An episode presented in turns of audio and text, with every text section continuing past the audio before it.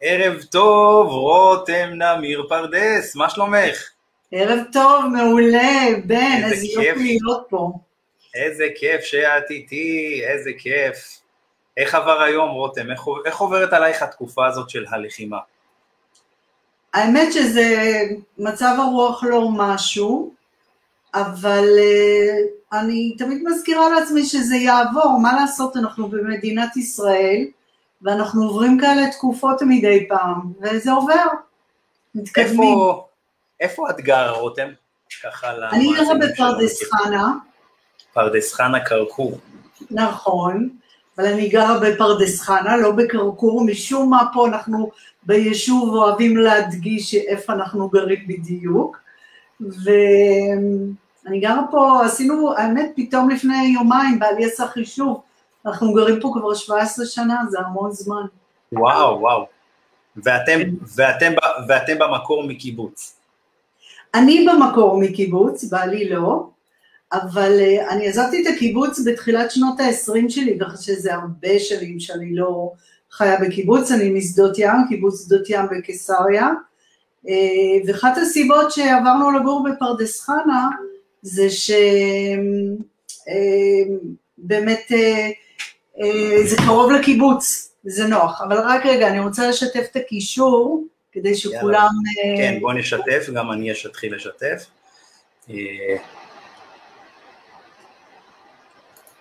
הנה, התחילו להצטרף אלינו. אוקיי, מעולה. את יכולה לשתף בקבוצה ובאיפה שבא לך. בעמוד, הנה ישר. קודם כל נשתף למבשלים נדל"ן.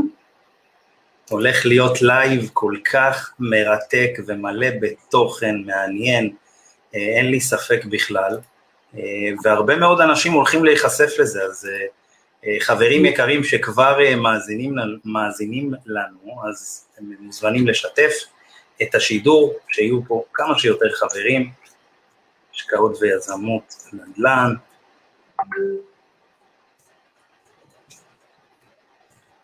מארח את רותם, נמיר פרדס, האלופה. תודה. אני באמת מאמין בזה, דרך אגב. אמרתי לך גם בשיחה שלנו, אני מכיר אותך כבר הרבה שנים, עוד שהתחלתי. ואת היית מהראשונים שנחשפתי אליהם ב- ביוטיוב. וואו, זה מרגש. שזה מדהים, כאילו, ואני זוכר, כאילו, אה, אה, אחותי, שבעצם מנהלת לי גם את התוכן ועוד כל מיני דברים, היא תמיד אמרה לי, תסתכל על, תסתכל על רותם, תסתכל על רותם. אז... כי זה אישה לאישה, אז כן, כנראה שזה... שזה באמת... את זה. זה באמת, זה באמת מדהים לראות את זה, זה, זה, לא, זה לא מובן מאליו, את יודעת, המקום שהגעת אליו היום.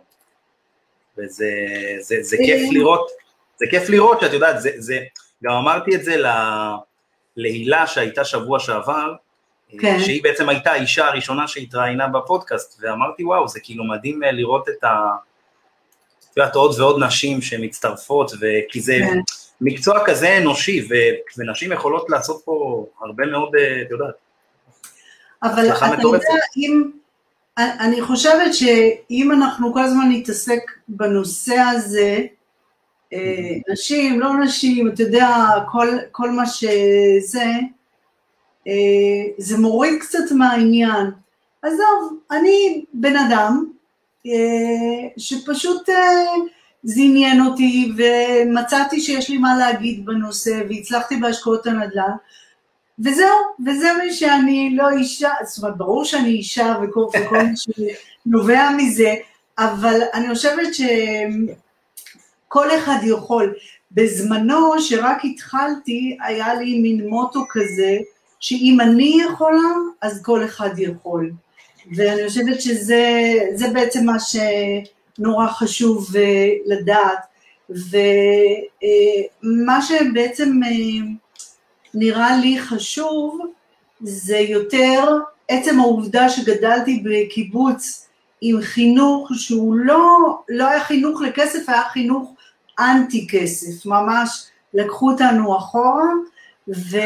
את יכולה לתת דוגמה לחינוך של אנטי כסף. אמרו, אמרו את הדברים המאוד מקובלים, אחר כך אה, למדתי שלכולם אמרו את זה, אה, כסף לא גודל על העצים, היינו אומרים על, ה, על העירונים, היינו מאוד יהירים, מאוד מאוד יהירים, וואו. והיינו אומרים על, ה, אה, על העירונים, עירונים מסריחים, וממה הם מסריחים? מכסף. כאילו זה, ממש ככה היינו מדברים. אה, חינוך, ש... חינוך שמגדל פשוט ל... להיות, להיות כן. אנטי כסף, בעצם להרחיק... כן. אני אמרתי לך, דיברנו כמה דקות לפני, ואמרתי לך שבעצם אה, חינכו אותי להיות כמו כולם. את לא טובה יותר מאף אחד, את לא מיוחדת, את לא, את, את כמו כולם. זה, לשמחתי, המסר הזה שהיה מאוד חזק, לי דווקא עשה מאוד אנטי. מה פתאום, אני לא כמו כולם, אני מיוחדת. לי זה נתן דווקא את ה drive, יש כאלה שזה מאוד דיכא אותם, ולי זה נתן את ה drive, אבל עדיין זה מסר נורא חזק, שלקח לי הרבה זמן להשתחרר ממנו. הרבה הרבה שנים להשתחרר מהמסר הזה שאני יכולה, אני אה, עושה, אני יודעת, אה, ובקיצור זה... זה משהו ש... ובאמת התחלתי בגיל מאוחר יחסית להתעסק בנדל"ן. באיזה, זאת אומרת, מה גרם לך בעצם, מה, מה הדבר שמשך אותך לעולם הזה? זה, יש, יש, זה, זה קטע, סך הכל אני לא מיוחדת, והנה תראו, אם אני יכולה אז כולם יכולים. אה, קרו שני דברים, בעצם כמה דברים קרו בו זמנים. גרנו בתל אביב ועברנו לפרדס חנה, אופס, בן, אתה עדיין פה? אני פה, אני פה, אני, אני רואה אותך, אני רואה אוקיי. אותך. אמ, אז אה, גרנו בתל אביב ועברנו לפרדס חנה, ודרך אגב זה משהו שאני מאוד ממליצה לעשות, אם אתם מרגישים תקועים בחיים, תעברו מקום לגור בו, זה משנה את הכל, הכל משתנה, ויוצאים מזה דברים נפלאים, אפילו שזה קשה, זה לא פשוט. אז עברנו לפרדס חנה, ואחרי זמן קצר רכשנו בעצם מגרש והתחלנו לבנות בית, לתכנן אותו ולבנות בית, ואני התעסקתי בזה, זה היה הפרויקט שלי במשפחה, ומאוד מאוד הסתדרתי עם זה, מאוד הרגשתי עם זה בנוח והיה לי מאוד כיף, שזה היה רמז ראשון בשבילי, והדבר הנוסף שקרה, נפל לידי הספר אבא עשיר אבא אני, ודרך אגב הוא היה מהדורה לבני נוער, הוא הגיע לבת שלי, זה פשוט מדהים לכמה אנשים הספר הזה שינה את החיים. לגמרי. גם לי דרך אגב. כן. כל הקטע של ההשכלה הפיננסית, אין ספק שהספר הזה פתאום נותן לך את ה... הסיפור הזה של אבא עשיר, אבא עני, הוא כל כן. כך uh, מובן. ו, ובעצם מה שלי הוא דיבר, uh, שהוא אומר שם שלא צריך uh, תואר, ולא צריך להיות כל כך מלומד כדי להצליח, וזה בעצם הסיפור שלי, כי אין לי בגרות בעצם, אפשר להגיד שלא סיימתי תיכון למרות שישבתי על הכיסא, אבל זה כל מה שעשיתי בתיכון, ישבתי על הכיסא, ובעצם אחד הדברים שכן קיבלתי מהמשפחה שלי, מההורים שלי, מהסביבה, שאני לא, אני לא טיפשה, בזה אני ידעתי, אני לא, אני לא אבלה. אז הספר הזה שהפיל לי כל כך הרבה אסימונים, אה, פשוט שינה לי את החיים. והדבר המצחיק שקרה, שהלכתי ללמוד. עכשיו, לא הלכתי ללמוד לתואר, אלא אה, למדתי קורסים שונים וכל מיני דברים שיקדמו אותי. אה, בסופו של דבר הגעתי לנדל"ן, למדתי כל מיני נושאים שקשורים לעסקים ולכסף. ובסופו של דבר החלטת בעצם אה, להתמקד בנדל"ן, בגלל אה, אה, ש... זאת אומרת, משהו בסיפור של אבא עשיר אבא אני משך אותך, ו, וזה היה גם די מובן, זאת אומרת, הוא יותר מובן מלדוגמה שוק ההון, בורסה. נכון, אני ניסיתי אה, להשקיע בשוק ההון, וזה ממש לא בשבילי. לשבת על, מול המחשב כל מיני שעות מוזרות, וזה, זה לא בשבילי. נדל"ן זה התעסקות עם אנשים, זה התעסקות עם אתגרים אה, שונים, בכל עסקה זה משהו אחר. נדל"ן זה תחום כל כך עמוק וכל כך אנושי, כי הרי כולנו גרים מאיפשהו.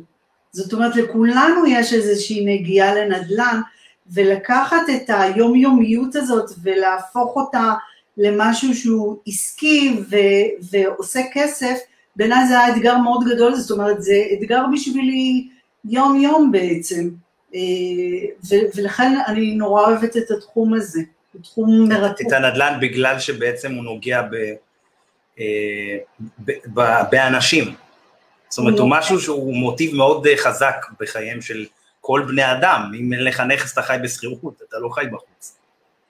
יש כמה דברים אה, מאוד משמעותיים שגורמים לאנשים, אה, איך אני אגיד את זה, לזוז או לפעול, אוקיי? כסף זה אחד מהם קודם כל, כסף זה דבר מאוד מאוד מרכזי. אם אני זוכרת נכון, יש שלושה דברים, והשניים האחרים זה אוכל ו, אה, וסקס, ומין, אין מה לעשות, מזיז את כולנו, אוקיי? עכשיו, דרך אגב, זו הסיבה שקראתי לקבוצת, לקבוצה שלי, מבשלים נדל"ן, מבשלים נדל"ן. זה אומנם סלנג נדל"ני, לבשל עסקה וכדומה, אבל uh, אני, כשבאתי לפתוח את הקבוצה, חשבתי על uh, שני דברים. אחד, שאני נורא אוהבת נדל"ן, אני רואה את זה כתחביב שלי, זה גם המקצוע שלי, והשני, שאני uh, עוד מאוד אוהבת לבשל, אני, זה גם, זה התחביב השני שלי, אז אמרתי מבשלים נדל"ן, זה, זה הכל. ובאמת, מי שיחפור בקבוצה, יראה שבהתחלה אפילו הייתי מעלה מתכונים, אמרתי בוא נעשה מזה שאלות. יפה, אהבתי. היום זה נראה מצחיק, את מי זה מעניין? בהתחלה העליתי את השף אסף גרנית. כן. דיברנו איך לרקוח. מי אני שאני אתחרה איתם, אני, נדל"ן זה מעניין את כולנו. אה, תראי, אה, אה, הרמת את ה... זאת אומרת, העלית את הנושא של מבשלים נדל"ן, שזה היום mm-hmm. הקבוצה, אפשר להגיד, הכי חזקה בפייסבוק בכל מה שקשור בהשקעות נדל"ן, נכון? אני לא טועה. תראה, אני לא עושה השוואות, אבל... זו הקבוצה הכי גדולה שמתמקדת בנדל"ן. אני חושבת, אני חושבת שכן, אולי... בהשקעות, לא... כאילו, לא בנדל"ן. כן, יש קבוצה רק של נשים, אבל הן יותר עוסקות בכל מיני סוגים, אתה צודק. אם זה רק השקעות, אז כן. זה, אני חושבת, הקבוצה... שזה, שזה דבר מדהים. מה היה ה vision שלך שהקמת את הקבוצה? מה, מה הייתה התמונה, התמונה המנצחת שלך? אז, אז, אז זהו, שזה ממש לא מה שזה נהיה. Uh, הקבוצה הזאת לימדה אותי המון. פתחתי אותה כי יש לי עסק שאני מלווה משקיעים ומלמדת איך להשקיע בנדל"ן. וקוראים לו נדל"ניסטית, ורציתי שיהיה עוד, עוד מקום, עוד דבר. אמרו לי שקהילות זה הדבר הבא, אז אמרתי, אוקיי, בואו נפתח קהילה והיא תשווק את העסק. ומהר מאוד אה, הבנתי שזה הרבה יותר גדול מזה, שזה ממש לא רק בשבילי, ובעצם אה, זה... אה, זה מקום למשקיעי נדל"ן, למפגש וקהילה, ואפשר ליצור פה הרבה הרבה דברים, ואני חייבת להגיד שלמשל בהתחלה זה מאוד מאוד הפריע לי, שמה באים כל מיני אנשים ומתערבים לי שם, זה אני רוצה להגיד את הדבר שלי, ומהר מאוד הבנתי שזה לא אני, זה של כולם, ויש מקום לכולם, וזה סוג של אה, מקום כזה של אה, להגיד... אה, אמ, אמרת את זה יפה, זה לא, זה לא אני, כן, זה כולם, כן, זאת אומרת, אם, אם לפני 30 שנה העולם היה אני ואני ואני ואני, היום זה באמת כן. אנחנו ואנחנו, זה עולם של קהילות, לא משנה אם זה בעסקאות נדל"ן, עסקאות של אה, תחום המזון, אה, אופנה, הלבשה, כל הדבר הזה זה באמת קהילות. קהילות, כן, כן. ובאמת, זהו, אז אני מאוד שמחה וגאה על הקהילה הזאת. אמ, משקיעה שם המון, אולי לא יודעת אם רואים, אבל זה... רואים, רואים.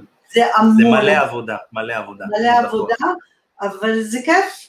זה, בסופו של דבר זה כיף. ו... זה כיף ומספק, וזה אמ, נחמד תמיד לדעת שאת באמת עוזרת לאנשים, זאת אומרת, יכולה נכון. לעלות שאלה מסוימת של מישהו, ו, ובאמת עוזרים לו. אה, אני תמיד אומר, דרך אגב, לחברים, אה, לא משנה אם זה בקבוצה הזאת או בקהילות אחרות שאני פעיל, כן. אז אה, אני תמיד אומר להם, תיקחו כל דבר שנתנו לכם, לא משנה כמה התגובה מפורטת, אני משתדל מאוד מאוד לפרט בתגובות, כי אני יודע כמה נדל"ן זה דבר שהוא מורכב, אז אני, ו, ו, זאת אומרת, הרבה דברים, את יודעת, בנדל"ן הנחת הנחות לאדם מסוים יכולה לעלות הרבה מאוד כסף. אז נכון. אני משתדל באמת לקחת את זה למקום מאוד אחראי, ו- ולפרט את מה שאני אומר. נכון. Uh, כאילו אני מקליט עכשיו הודעה בוואטסאפ, או מדבר עם בן אדם בטלפון, משתדל מאוד מאוד מאוד, ובאמת לתת תשובה שהבן אדם יקרא את זה ויבין את זה. יבין את מה שהתכוונתי להגיד, ובשתי משפטים קשה מאוד להעביר את מה שאתה, את מה שאתה רוצה ואת ההשלכות של הדברים וכולי וכולי. זה אה, יפה מאוד, קודם כל זה יפה מאוד, אבל אני רוצה להגיד עוד דבר, שלולא הקבוצה לא היינו מכירים.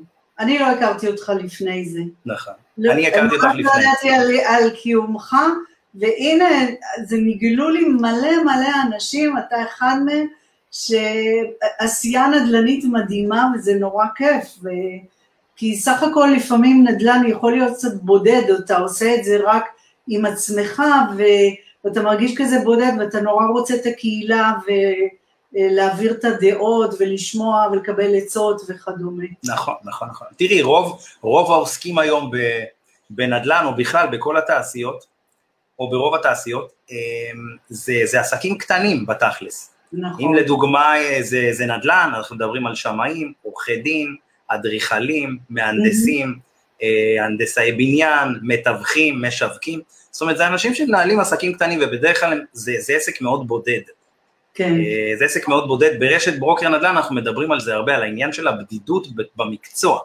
אבל זה לא כן. משהו שמדבר רק לתיווך או ליווי משקיעים או שיווק נדל"ן, זה משהו שנוגע ל, ל, לכל התחומים, גם למשפטים, אתה כל הזמן כאילו לבד במשרד, או עובד נכון. מהבית, אה, והקהילתיות הזאת, כאילו אם אתה משכיל להקים באמת קהילה שנותנת ערך, וערך מאוד מאוד בווליום גבוה, זה משהו שאתה, זאת אומרת, תוך תקופה די קצרה יחסית אתה, אתה קוצר את הפירות. נכון. אה, כמו, כמו שקרה לך. כמה זמן אה, מבשלים אה, נדל"ן קיימת? אם אני זוכרת נכון, שלוש וחצי שנים, אבל... שלוש וחצי שנים. זה, צריך, חבר... זה כתוב בפייסבוק, רק...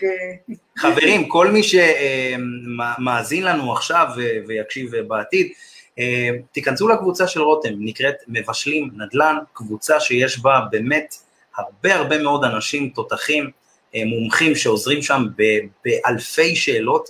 אני אישית עניתי על הרבה מאוד שאלות, תגובות אה, זה, אתם יכולים גם לראות פוסטים שלי שם, מוזמנים להצטרף, מבשלים נדל"ן בפייסבוק, רותם נמיר פרדס. ועכשיו רותם ככה בואו ניכנס ונעמיק בדברים, כי mm-hmm. לדוגמה יש לנו פה את רן ימיני, כן. שהוא uh, משקיע, בחור שככה חושב דיברתי עם רן, אני מכירה אותו, כן. הוא בחור מקסים מקסים, ו... ובמקרה יש לו משפחה מסוימת שהשקיעה ככה אצלנו, אצלי. יפה. אז תודה רבה. אז אתה מכיר אותו יותר טוב ממני. כן, אני לא יודע, אבל יש לו משפחה שזה, וככה, את יודעת, הוא כל הזמן כן. מתלבט אם כן ואם לא, ואני אומר, זה מדהים לראות את זה. ואז לכן אנחנו פה בשביל לענות גם לרן וגם לעוד הרבה מאוד אנשים ששואלים באמת איך מתחילים. יש לי כרגע, אה, את יודעת מה? בואו נתחיל עם שתי שלבים. אנשים שאין להם בכלל נכסים, כן. ואנשים שיש להם כרגע נכס, ויש לו מה שנקרא הון כלוא. כלוי, ששנינו יודעים מה זה בהמשך. אה, אז בואו נתחיל עם האנשים שאין להם כרגע נכסים, איך מתחילים? בן אדם צעיר, בן 23-4, איך הוא מתחיל לקנות, אה, לצבור נכסים, הון, איך, איך מגיעים לזה? תראה, אמ, אני חושבת שבן אדם צעיר שעוד לא חסך, אז הוא צריך תוכנית אסטרטגית. מה זאת אומרת?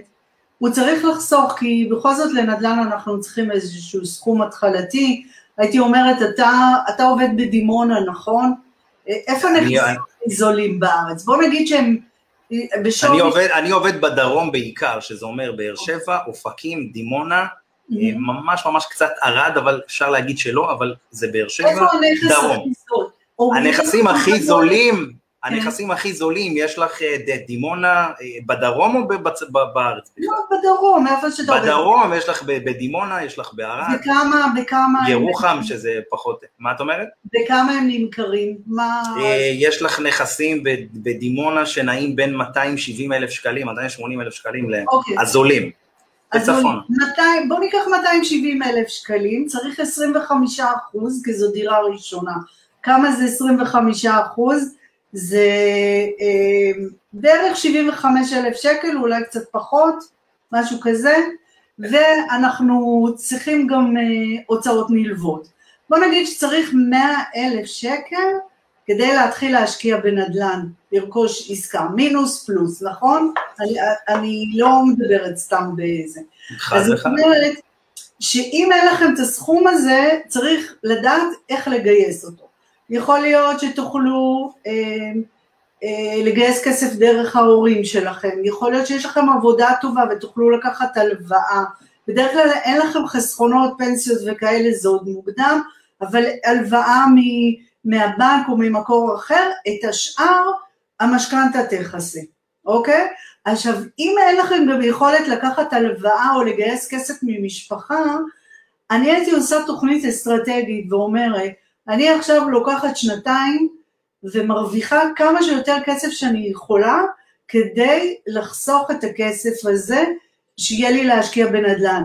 ויש היום כל כך הרבה אפשרויות, כמו מסחר דיגיטלי, כמו פרסום בפייסבוק, כמו המון המון דברים אחרים שאפשר לעשות, בנוסף לעבודה רגילה, במרכאות רגילה.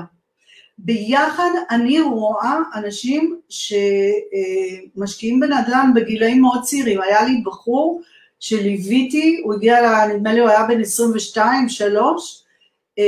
הוא חסך מהצבא, הוא היה בקבע, הוא הגיע אליי עם 40 אלף שקל, והוא השלים, הוא רכש דירה, אם אני זוכרת נכון, ב-350 אלף שקל בעפולה, והוא השלים את הכסף שהיה צריך ל-25% פלוס ההוצאות הנלוות, על ידי זה שהוא לקח הלוואה מהבנק והוא לקח הלוואה מההורים שלו.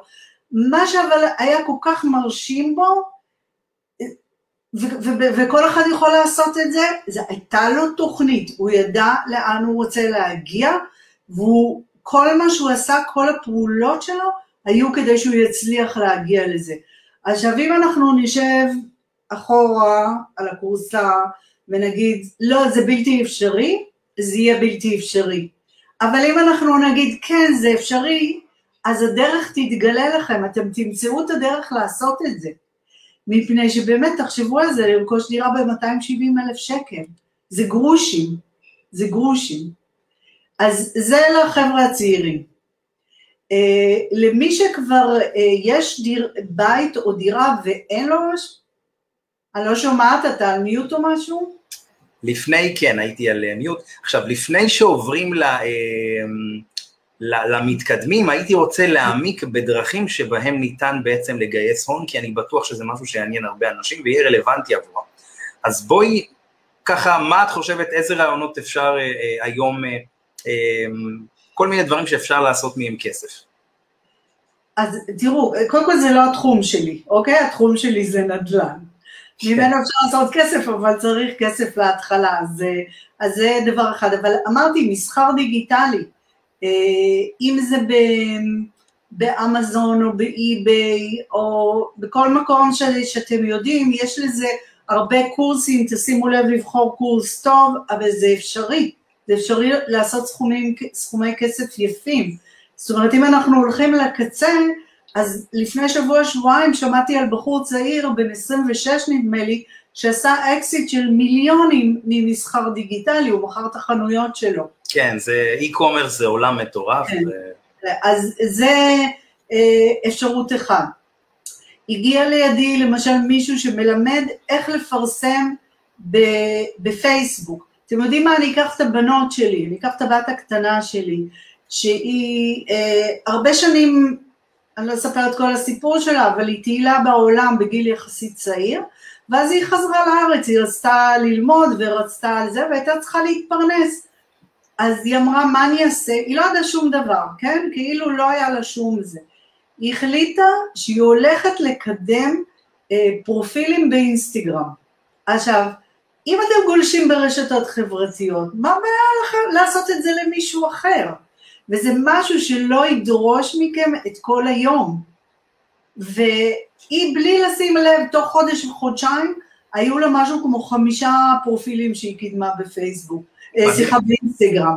מדהים, ו... שזה כמה, כמה אלפי שקלים.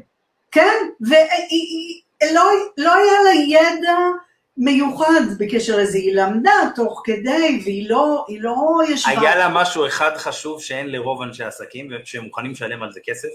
זמן.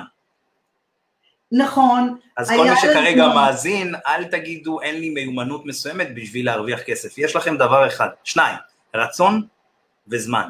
ואלה שני דברים שעסקים אה, אה, מוכנים לשלם עבורם כסף, כמוני. אני נותן להרבה מאוד ספקים כסף בשביל שהם יעשו עבורי דברים, כמו שאתם רואים את השידור הזה, אני לא עושה את כולו. יש אנשים פה מאחורי הדברים האלה שאני משלם להם תמורת הזמן הזה. אה, אותו דבר גם רותם, אני בטוח שאת משלמת לספקים תמורת איקס דברים, אם זה בניית אתרים ודברים כאלה. עכשיו, בתכלס אני, אני יכול לעשות המון דברים, גם את. את יכולה לבנות אתרים, את יכולה לרחוץ לעצמך את הרכב, אה, לעקור לעצמך את השן, אבל אין לנו את הזמן, יש לנו כולה 24 שעות שמתוכם 7-8 שעות אנחנו ישנים, אוכלים, מתקלחים, אין באמת, אה, כאילו החיים מאוד מאוד קצרים, הם, הקצב שלהם מאוד מהיר, אז, אה, ועל זה העסקים מוכנים לשלם כסף. עכשיו, רותם העלתה שני דברים מאוד מעניינים, העניין של האי-קומרס, דיברת על האי-קומרס ודיברת על ה...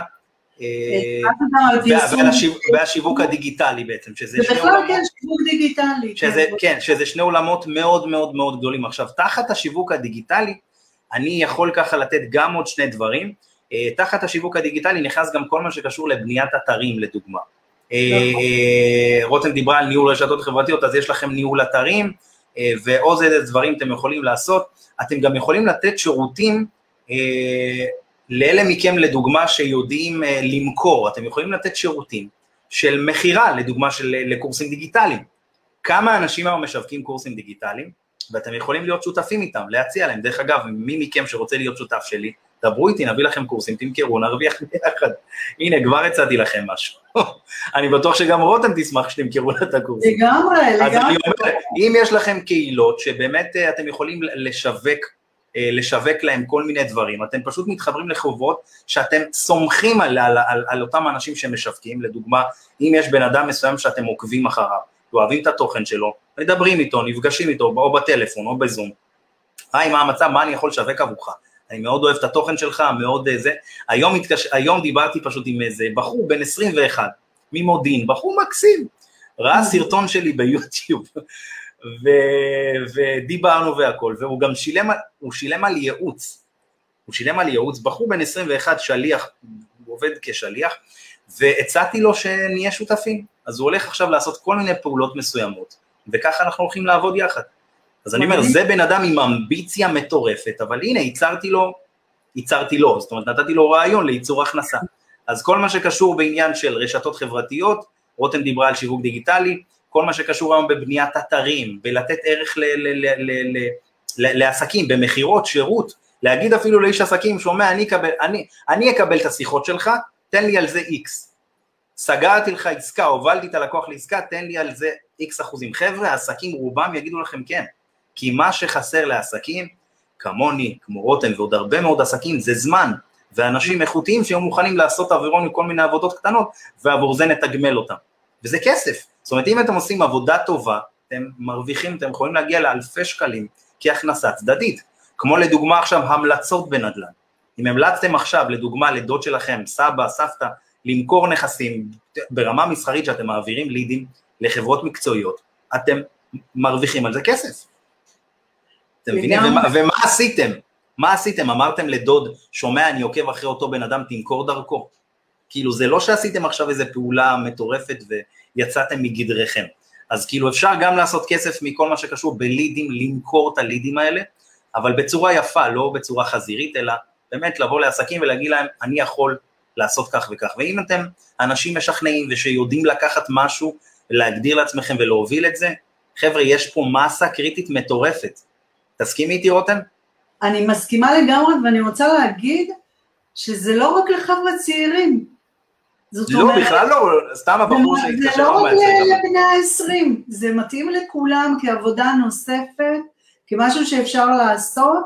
אה, בכלל, תקופת הקורונה הראתה לנו יצירתיות בדרכים להרוויח כסף בצורה מאוד יפה. כל נושא, אפרופו מבשלים נדל"ן, כל נושא הבישולים, כל נושא הכנת האוכל, אנשים התחילו להכין אוכל בבית ולמכור, ואנשים, יש המון אנשים שלא מבשלים ולא יודעים לבשל ונורא רוצים אוכל ביתי.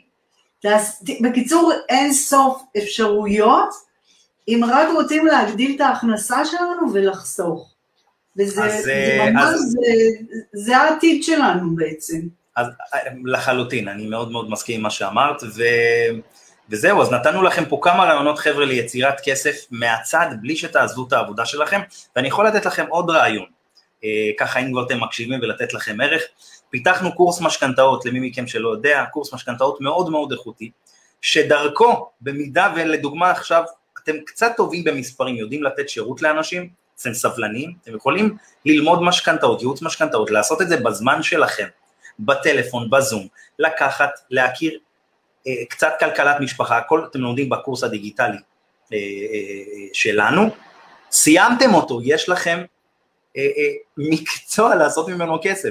רותם, תחשבי שאם אנחנו מדברים על ארבעה תיקי משכנתאות כן. בשנה, ממוצע של 7,000 שקלים זה עוד 28,000 שקל בשנה. לגמרי. מבינה? בואו נגיד שעשית את זה עם שותפות בחברה, סבבה, אלף, נגיד סביב ה-1,500, 1,600 שקלים, בונוס כל חודש על משהו שלמדת, זה מדהים. תחשבי, 1,600 שקלים נטו בחודש, 1,500 נטו בחודש, זה משהו כמו, בוא נגיד, דירה של 320 אלף שקל בדימונה, רק שפה אתה לא מגיע עם הון ולא עם כלום. כן. זאת אומרת, אז אפשר להרוויח גם ממשהו שלמדתם ולעשות כסף, אחד מהדברים זה ייעוץ משכנתאות. אז האם אתם מתעניינים בנדל"ן וחוקרים ואוהבים לחפור בזה? דברו איתי, ניתן לכם את הקורס, ובואו אה, נתקדם ונעוף ביחד, אז הצענו לכם פה כמה דברים לעשות מהם כסף, אפשר לעשות כסף, ואפשר תוך תקופה קצרה חבר'ה להגיע להון, כבר לנכסים ועניינים. אה, זהו, אז דיברנו עכשיו כרגע... רק רגע, אני רוצה להגיד עוד מילה. יש אמירה בתקשורת שנורא קשה להגיע אה, לדירה בישראל. נורא קשה לרכוש דירה בישראל. זה מאוד מאוד לא נכון. כל אחד במדינת ישראל, כמעט בלי יוצא מן הכלל, יכול לרכוש דירה. אולי לא דירה שהוא ירצה לגור בה, אבל היא דירה שתשמור לו על ערך הכסף, ואם הוא רוכש נכון, גם הערך שלה יעלה והוא ירוויח ממנה כסף. אז תשימו לב, תפסיקו להסתכל על עצמכם כמסכנים, אל תיגררו לשיח הזה של אני לא יכול ואין לי ואני נורא מסכן, ומה שאנחנו קוראים בקיצור אכלו לי, שתו לי, ו- ותבינו שכל אחד יכול לעשות את זה. אני, אני מסכים איתך, רותם, את uh, כאילו מדברת מתוך uh, ראשי, ליבי. אה, וכן, אני מסכים איתך לגמרי, והשלב הבא, תכף נגיע לפרדיגמות, לדברים שבעצם מונעים מאנשים להתקדם, mm-hmm. והדבר השני שאני רוצה לדבר זה אנשים שכרגע יש להם נכס. והם רוצים, אה, אנשים כמו רן, המקסים והיקר, שיש כן. להם נכס, ויש כאלה אפילו עם נכס בלי משכנתה, שעדיין כאילו מפחדים לעשות את התהליך הזה ולהתקדם. מה, מה עושים איתם? תראו, מי שכזה, בוא נגיד בני 40 ומעלה וצפונה, כבר המצב הוא שונה לגמרי. אה, קודם כל, בדרך כלל יש כבר אה, דירה שגרים בה, וכמו שאמרת, המשכנתה או מאוד נמוכה או הסתיימה לגמרי, ויש גם אנשים שחסכו כסף, ויש גם אנשים שחוץ מזה שהם חסכו כסף, גם יש להם הרבה כסף בפנסיות, שהם חסכו מהעבודה, בעצם מהמשכורת שלהם. ואז כבר יש הרבה אפשרויות. קודם כל לקחת ההון עצמי ולרכוש עוד דירה, זה הכי פשוט וקל, בעזרת משכנתה כמובן. אה, אפשרות נוספת היא למנף את הבית הקיים, פשוט להעלות את המשכנתה בחזרה ל-50% מערך הנכס, ובעזרת זה לרכוש, אה, לרכוש עוד נכס. אני רק רוצה לשים פה במאמר מוסגר, בסוגריים, שצריך לדעת איך לעשות את זה, ולעשות את זה בעזרה מקצועית שאנחנו רוכשים, כי אתם רוכשים בעצם ב-100% מימון, זאת אומרת כל הכסף שמיועד לרכישת הדירה הוא בעצם הלוואה שלקחתם, זה 100% מימון. על חשבון הנכס שלך. כן. אז את, את זה כדאי לעשות ב, ב, עם עזרה, לא לעשות את זה לבד. כשמדובר על עזרה פה בעניין הזה, זה כמובן אה, מומחה למשכנתאות.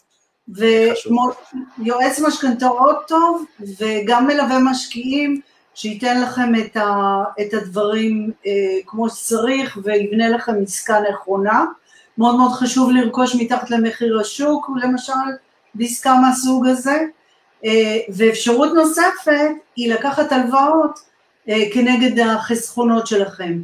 הביטוחים, הקרנות, הפנסיות. הקרנות, אה, קופות הגמל וכדומה, כל מה שזה אומר, שזה הלוואות מאוד נוחות, בתנאים כמעט כמו של משכנתה, ההבדל היחידי שתקופת הזמן יותר קצרה.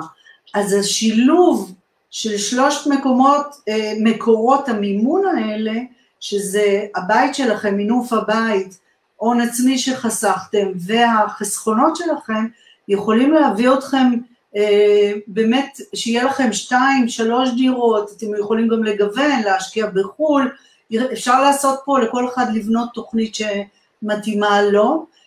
העניין פה בעיניי הוא, אם אנחנו מדברים על פרדיגמות, אני לא יודעת אם הגענו כבר לדבר על זה, זה מה שעוצר בדרך כלל אנשים בסביבת הגיל הזאת עם אה, האמצעים הכלכליים האלה, זה רק הפחד.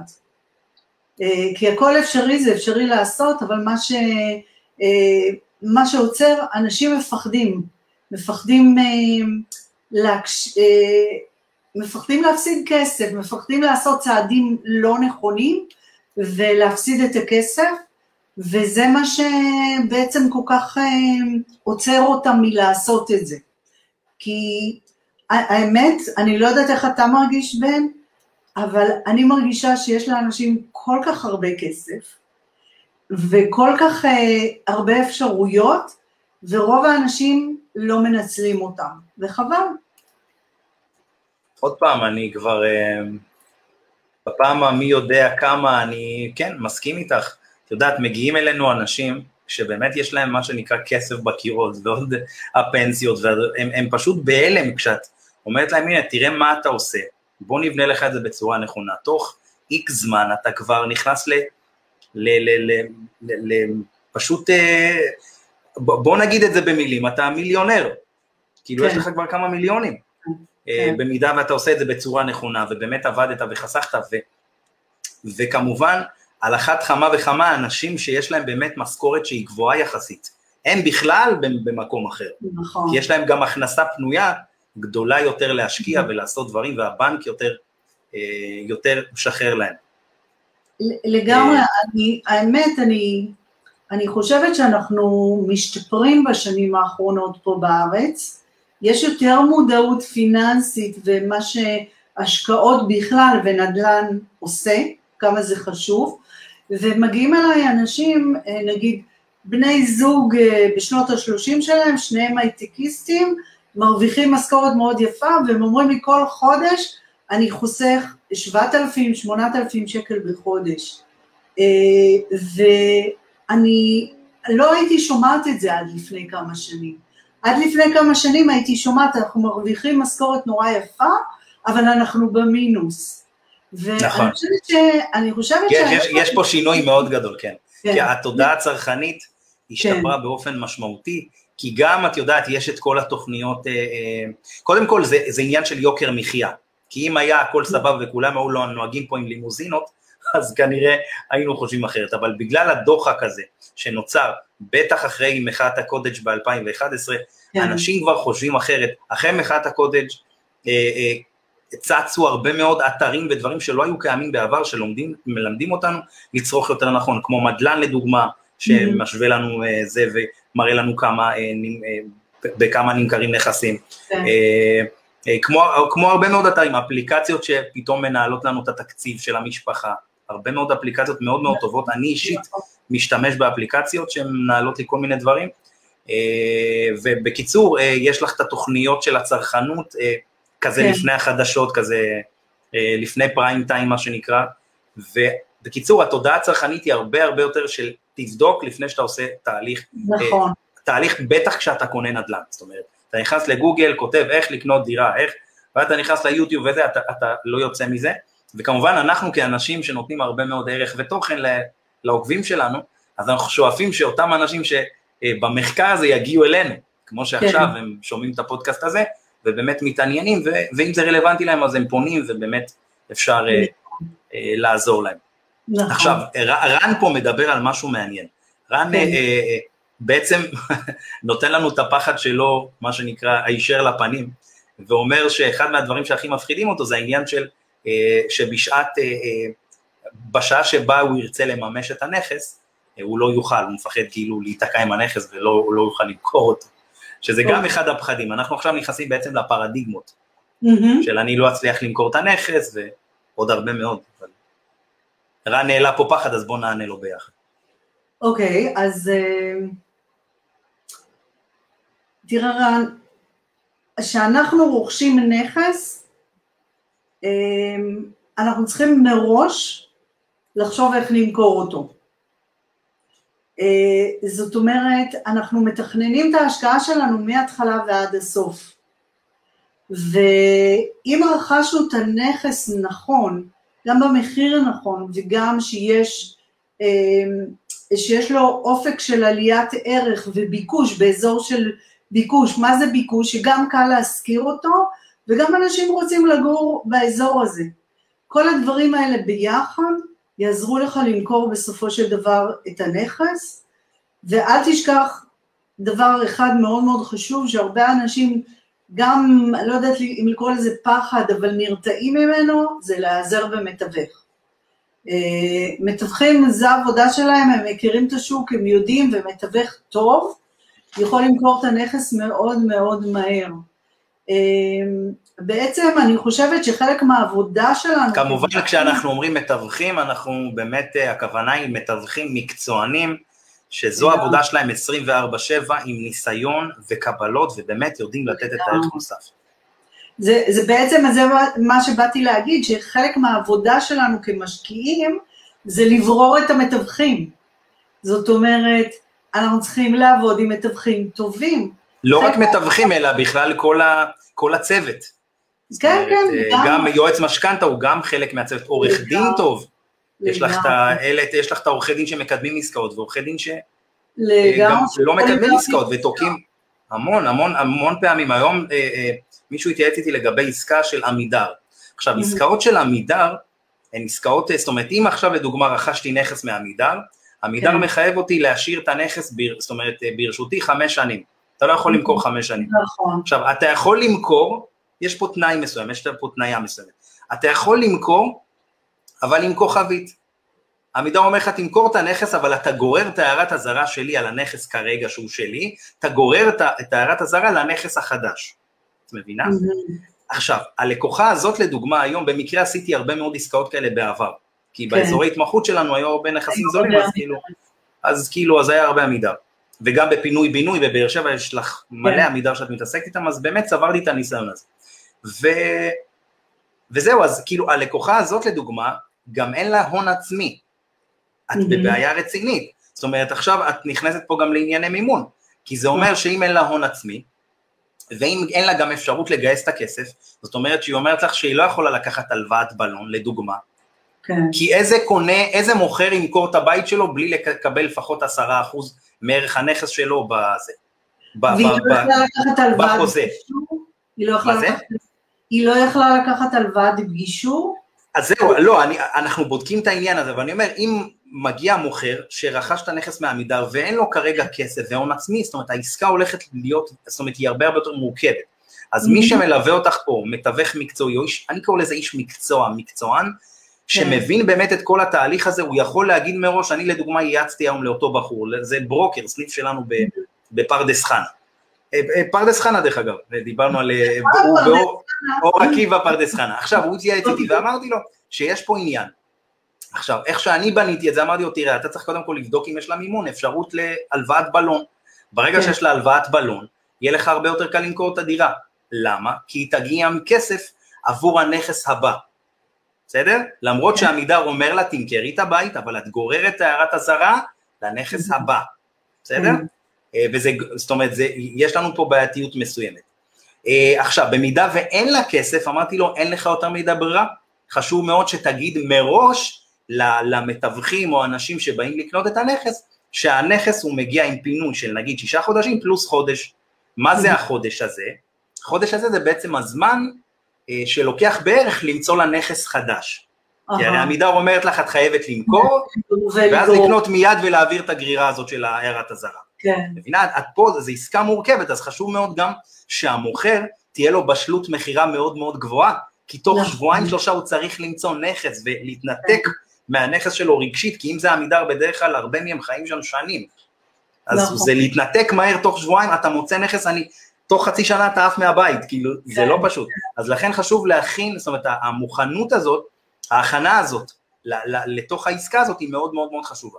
אז את דיברת על העניין של, ה, של הלבנות את הצוות, אז זה מאוד מאוד חשוב, כי אם זה מלווה אה, אה, אה, משקיעים מקצועי, הוא כן. בדרך כלל הוא מאוד מאוד מבין את כל התהליך, לגמרי. לא רק ברמה של, ה, של המימון, אלא יותר חשוב ברמה המסחרית. זאת אומרת, אני לדוגמה, כשאני מלווה משקיע, גם את בטוח, אם אני לא יודע למכור את הנכס, נגיד הוא קנה אותו ב-100, אם אני לא יודע למכור אותו ב-100 שקלים במינימום יום אחרי, זו עסקה לא טובה. נכון, נכון. את מבינה? זה המדד, חברים. אז רן, אם אני עונה לך כרגע, אם אנחנו עונים לך על השאלה, אתה צריך לשאול את עצמך, אם קניתי את הנכס ב-100 שקלים, האם יום אחרי אני יכול למכור אותו ביותר? עזוב, קח את הדוגמה של הבן משפחה שרכש ממני, אתה יודע מי זה הבן משפחה היקר שלך. האם הוא יכול למכור אותו יום אחרי ביותר? בוודאי. האם הנכס שלו כבר מושכר שנתיים בכמעט 3,000 שקל בבאר שבע דרך אגב, הוא הכניס שם עשרות אלפי שקלים, כמה זה? ש-3,000 כפול 12 זה 36, 72 אלף שקל, בזמן שאתה המתנת על הגדר, זה מטורף. אז אני אומר, יום אחרי הוא יכול למכור אותו ביותר כסף? כמובן. אז זה המדד שלך, אל תפחד. תשאל את עצמך הגיונית, רציונלית, קח פתקית קטנה. אני קניתי את הנכס ב-100, אני יכול למכור אותו עכשיו מחר ב-100, פתאום קרה משהו, אני צריך לחלץ את הכסף הזה, אני יכול למכור אותו ב-100? זה המינימום. אני יכול למכור אותו ב-105? בום, אם אמרת כן, הרווחת. זה כבר מתחת למחיר השוק שרותם דיברה עליו. כן. אתה מבין? זה, זה, זה דבר מאוד מאוד חשוב להבין כשאתה הולך עם מלווה משקיעים, בטח אחת כמו רותם שהיא כבר מעל 15 שנה בתחום הזה, היא מבינה את כל התהליך של העסקה, והכי חשוב לפי דעתי בתהליך של העסקה, אפילו הרבה פעמים יותר מהמימון, זה ההיבט המסחרי של העסקה. זאת אומרת, בכמה קנינו, בכמה אפשר למכור, בכמה אפשר להתמקח, כי שם הרווח הגדול שלנו, בסדר? בטח בעסקאות שהן קצרות טווח. זאת אומרת, יכול להיות שאני אשלם ריבית של אחוז יותר, אבל אם אני אמכור את זה בנגיד בטווח של שנתיים, ב-100 אלף שקל יותר, אז מה זה הריבית הזאת ששילמתי עליה אלף שקל בשנה? כאילו צריך לעשות את החישוב הזה, ואת החישובים המסחריים האלה זה רק באמת אחד שבאמת מבין את התהליך של ההשקעה, לא רק ברמת המימון, ולא רק לדוגמה בהערכת נכס כמו שמאי. זה רק מלווה משקיעים שבדרך כלל גם עושה השקעות לעצמו, אז הוא באמת מבין פה את המקרו ויכול לשחק פה עם המספרים ולמצוא לך את הג'וקר הזרן קדימה, אתה מדבר איתנו אחרי השידור ואני ורותם מוצאים לך נכס. יאללה, רן, הגיע אה, הזמן. אז זהו, אז זו הייתה, אז זה בעצם היה הפחד הראשון של העניין של איך אני, אה, האם אני אתקע עם הנכס, אז כבר אמרנו לקנות אה, ב-100 ולשאול את עצמכם אם אני יכול למכור מחר ב-100 שקלים, עשית עסקה טובה. אם תמכור ב-105, 110, עשית עסקה מדהימה. כמו הבן משפחה שלך שיכול למכור כבר, ב, לדעתי, ב-7-8 אחוז יותר, שזה מדהים, והוא קנה לפני שנתיים. Uh, הפרדיגמה הבאה שהרבה מאוד אנשים ככה שואלים, uh, זה מה עושים אם לדוגמה אם יש לי נכס כרגע וכאילו אני יותר מתקדם, מה עושים עם בני זוג שאחד, רק אחד מהם רוצה להתקדם ואחד מושך אחורה. אוקיי. אה, זו, זו שאלה מעולה, שאתה יודע מה, בשבילה, אני קודם כל הלכתי ללמוד NLP. אה, כי, כי באמת, אה, מי שלא יודע מה זה NLP, אז תעשה, תעשו גוגל. NLP ו... זה, זה ראשי תיבות של Neuro-Linguistic Programming, ובעברית עיצוב לשוני עצבי. במקרה, דרך אגב, אני למדתי את זה לפני לא יודע, כשהייתי בן 18 בערך, זה תחום נכון. מטורף. זה, כן, זה כן. מעולה, מעולה לכל תחום בחיים ולנדל"ן בכלל. מסכים איתך. אנחנו עובדים עם אנשים, אה, ובאמת, את, אתם יודעים מה, שהתחלתי אה, ללמד, בזמנו היה לי, הקורסים שלי עברו כל מיני תהפוכות, אז בזמנו העברתי אותם בבית ציוני אמריקה, ואני זוכרת שהגיע אליי זוג, וכזה, אה, אני אפילו לא זיהיתי שיש ממש כאילו בעיה ביניהם, אבל בסופו של דבר הם רכשו נכס, ואחרי כמה חודשים אה, היה לנו עוד מפגש, והם באו אליי כזה, באו אליי בפרטי ואמרו לי, את לא יודעת מה עשית לנו, את שיפרת לנו את חיי הנשואים. ואני הייתי כזה, הייתי בשוק, כי בטח בטח לא באתי לעסוק בנדל"ן בשביל להיות יועצת נישואים למישהו, מי אני שאני אגיד uh, כזה דבר. אבל, uh, זה, ואז הבנתי את הכוח שיש פה וכמה התעסקות בכסף היא חשובה, ושעושים אותה בצורה מוצלחת, זה מאוד מאוד מקרב בין בני הזוג, כי זו תחושה של הצלחה משותפת. עכשיו, איך לפתור את זה שאחד אה, לוקח לכיוון הזה והשני לכיוון הזה, זה כל זוג בפני עצמו. ובאמת, אה, אני, קודם כל עצם זה שאנחנו אומרים, אוקיי, הבנתי, יש פה בעיה, זה כבר חצי מהפתרון. הבנתי שבן הזוג שלי חושב אחרת ממני והוא לוקח אותי למקום אחר, זה כבר חצי מהפתרון. הדבר הבא שצריך לעשות זה בעצם לדבר, ומה שעוד אני רואה בליווי הנדל"ן שלי, זה שהידע, הידע נורא עוזר. כי אם בא לי, אני מנסה לחשוב על מישהו שלאחרונה ליוויתי, בא לי זוג, והיא כל דבר אומרת, דרך אגב זה, זה 50-50 מתחלק בין הגברים לנשים, זה אף פעם לא רק נשים או רק גברים. אמ, באה אליי, היא באה אליי ואומרת לי, לא, וזה נורא מפחיד, אבל אני שואלת אותה, מה נורא מפחיד? היא לא יודעת להגיד, וזה הרמה בעצם של הדבר. ואז התחלתי להסביר לה את העסקה אה, ממש מהבסיס, ומה זה אומר כל שלב, והיא נרגעה, כי פתאום היא הבינה שזה בכלל לא מפחיד. אז אני חושבת שידע מאוד מאוד עוזר אה, כדי... להפיג את החששות. להפיג את החששות, והידברות. בואו בוא נראה על מה אנחנו מדברים בכלל. הרבה פעמים מגיעים אליי אנשים ואומרים לי, אה, אחד מבני הזוג אומר, אני נורא שמרן, אני לא רוצה להסתכן בכלל. אוקיי. אני אומרת לו, אני לא שואלת, מה זה אומר שאתה נורא שקרן? אני כבר למדתי לא לש... אה, שמרן, אני לא שואלת את זה, אלא אני מחכה, ואז אנחנו מתחילים לדבר, והוא מציע כל מיני הצעות שהן נורא מסוכנות כהשקעות נדל"ן או כהשקעות בכלל. אז אני אומרת לו, אבל אמרת שאתה נורא שמרן, נכון? או את נורא שמרנית. ואז הם פתאום קולטים שהם כן יכולים, הם כן מוכנים לקחת צ'אנסים במקומות מסוימים, והם לא כל כך שמרנים, והם כן רוצים להתקדם.